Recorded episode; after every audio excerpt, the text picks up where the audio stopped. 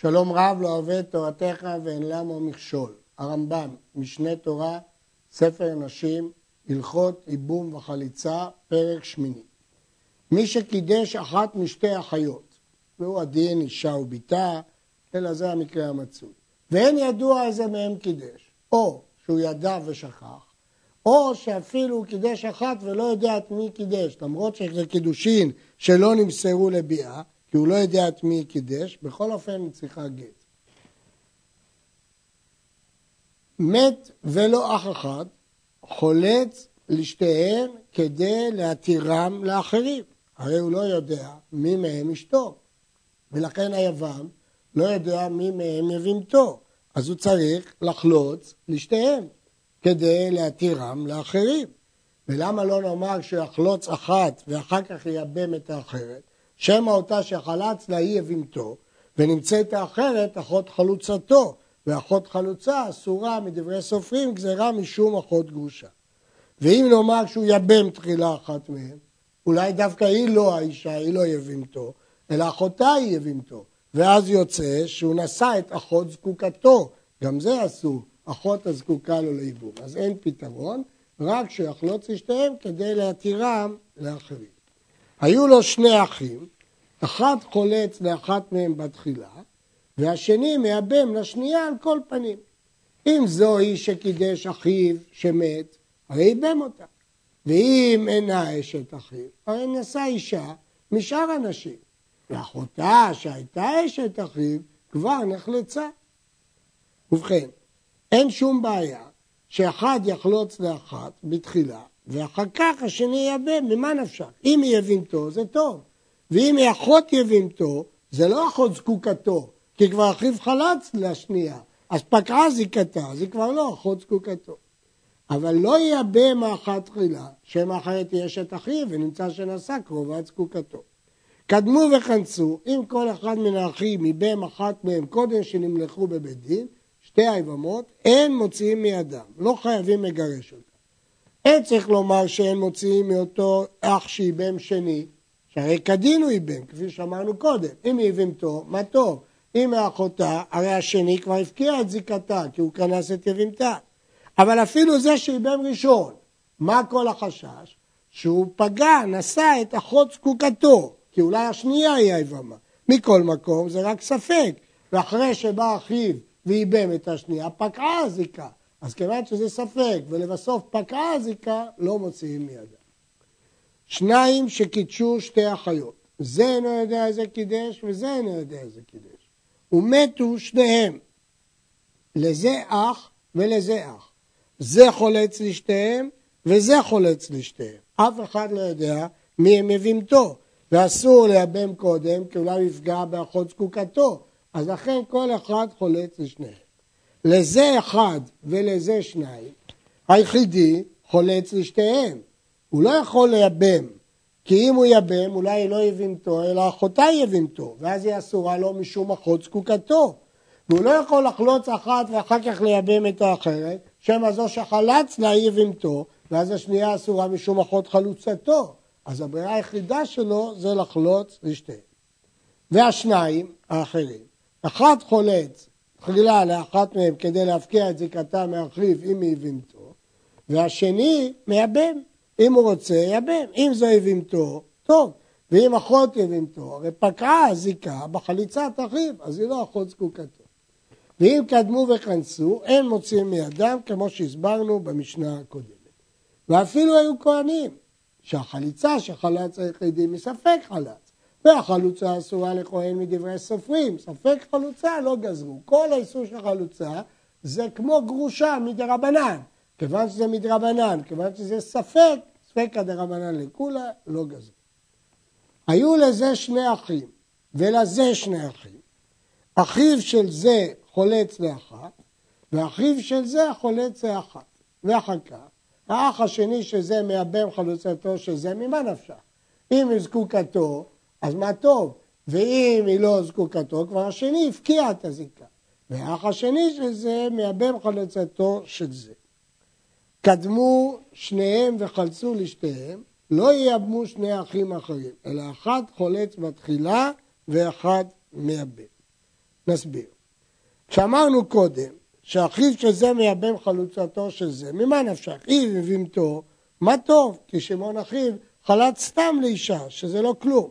ואם היא לא הבימתו, אז אחיו כבר חלץ, הוא מותרת לכל העולם. והיא לא אסורה לו משום אחות זקוקתו, כי שמעון אחיו כבר חלץ לאחותה. ולכן אין שום בעיה. קדמו שניים, שני אחים של אחד, וחלצו לשתיהם, לא יאבמו השניים, שמא הראשון נפגע באחות זקוקתו, אלא אחד חולץ תחילה, ואחד מייבם לאחרת. קדמו וכנסו, אין מוצאים מידם, כי זה רק ספק איסור אחות זקוקה, וכיוון שכל האיסור מדרבנן, אז אין לנו בעיה. ואפילו אם היה להפך, ונמצא שזה שאיבם ראשון פגע באחות זקוקתו, אחרי שבא איבם השני, פקעה זקוקתה מאחיו, והותרה גרושתו למפרע. איסור שעשה, עשה ולא מוציאים מידו. האישה שהיו לה בנים, והיו לכלתה בנים, ונתעברה אישה, ונתעברה כלתה, וילדו שתיהן במחבואה אחת, ונתערבו שני הילידים, והגדילו התערובות, ונשאו נשים ומתו. כיצד הן ניתרות? הרי אנחנו לא יודעים מי הם בני הכלה ומי הם בני החמותה. ועכשיו יש עוד בנים.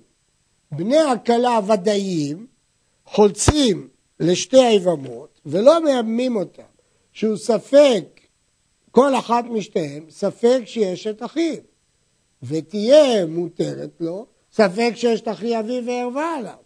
כל אחת מהיבמות לגבי הבן הוודאי של הכלה, היא ספק אשת אחיו הזקוקה לייבום אם הוא נולד מהכלה, ספק אשת אחי אביו ונולד מחמותה שהיא אסורה לו. אז לכן כל מה שהוא יכול לעשות זה לחלוץ לשתיהם. אבל בני הזקנה הוודאיים או חולצים או מייבמים.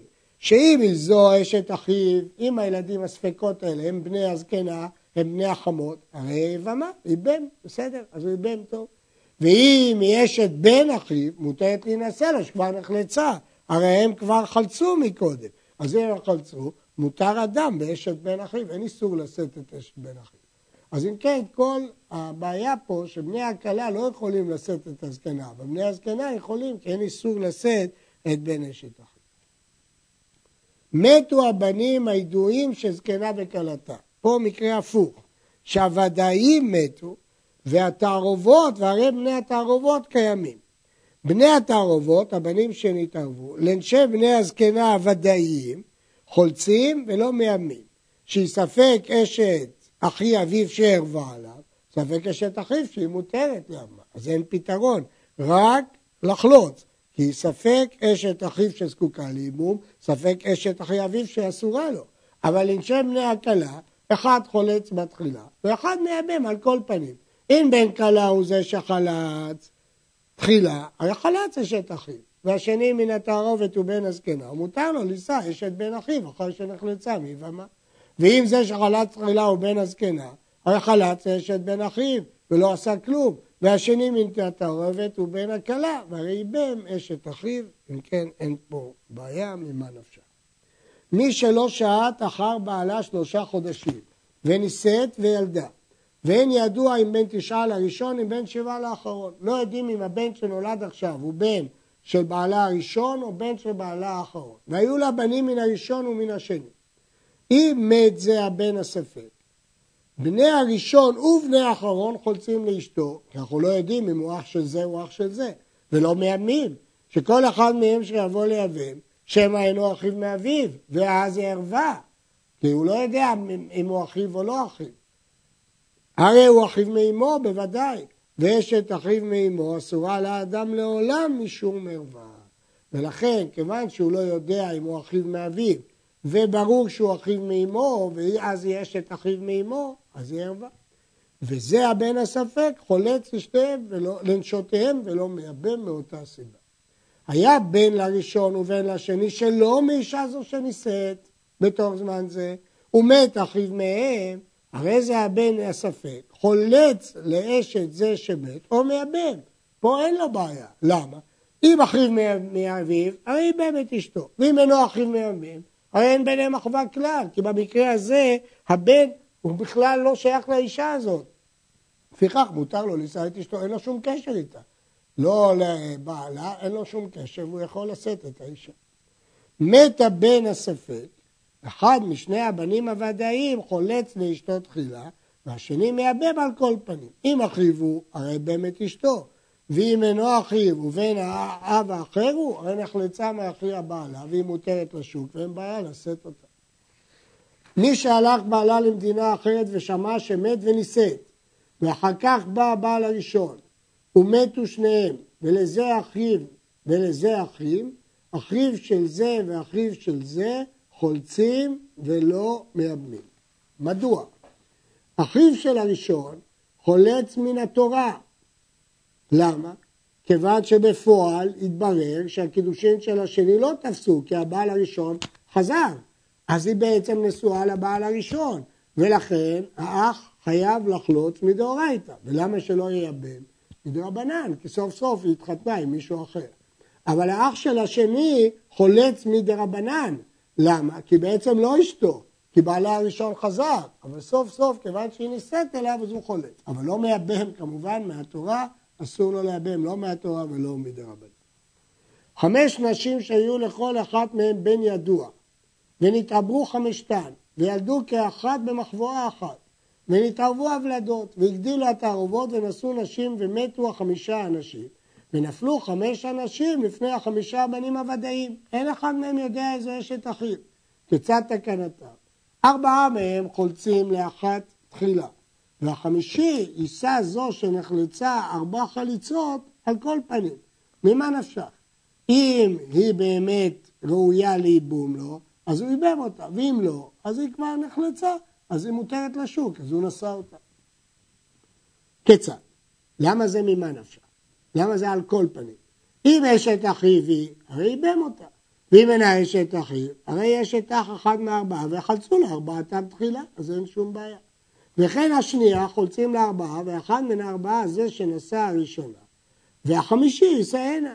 עד שנמצאו הבנים החמישה, נשאו החמש נשים, אחר שנמצא כל אחת מהם ארבע חליצות. בזה שכל אחת נחלצה ארבע חליצות, אנחנו יוצאים מידי הספק. נשאר רק החמישי, אז ממה נפשך? או שהוא נושא את יבימתו, או שהוא נושא אישה שכבר נחלצה, ואז היא מותרת לשוק. ולעולם ייזהר בכל הספקות בעיקרים אלו, שכל מי שנסתפק לך שמא בת חליצה היא לאיש זה, או אינה בת צריכה חליצה ממנו, אינה ניתרת להינשא אלעזר עד שיחלוץ לה אותו האיש. הרמב"ם מסכם, אתה לא יכול להתיר אישה בלי חליצה. וכל מי שיסתפק לך שמא ביאתה אסורה על איש זה, בין מדברי תורה, בין מדברי סופרים, אינה מתייבמת לו, אי אפשר לייבם. וכל שנחלצה חליצה מעולה או נבהלה בעילה כשרה, הותרה צרתה לזר. אלה כללים פשוטים שנותן הרמב"ם כהנחיות. ועל דרך זאת תבין ותורה בכל הספקות שהראו לעניין ייבום וחליצה. שהרי ביארנו כל העיקרים שעליהם תסמוך ותדע מיהו שחולץ ומיהו שייבם ומיהו הפטורה מן החליצה ומן הייבום ומיהו הראויה לייבום. בריך, רחמנא דסייען, עד כאן הלכות ייבום וחליצה.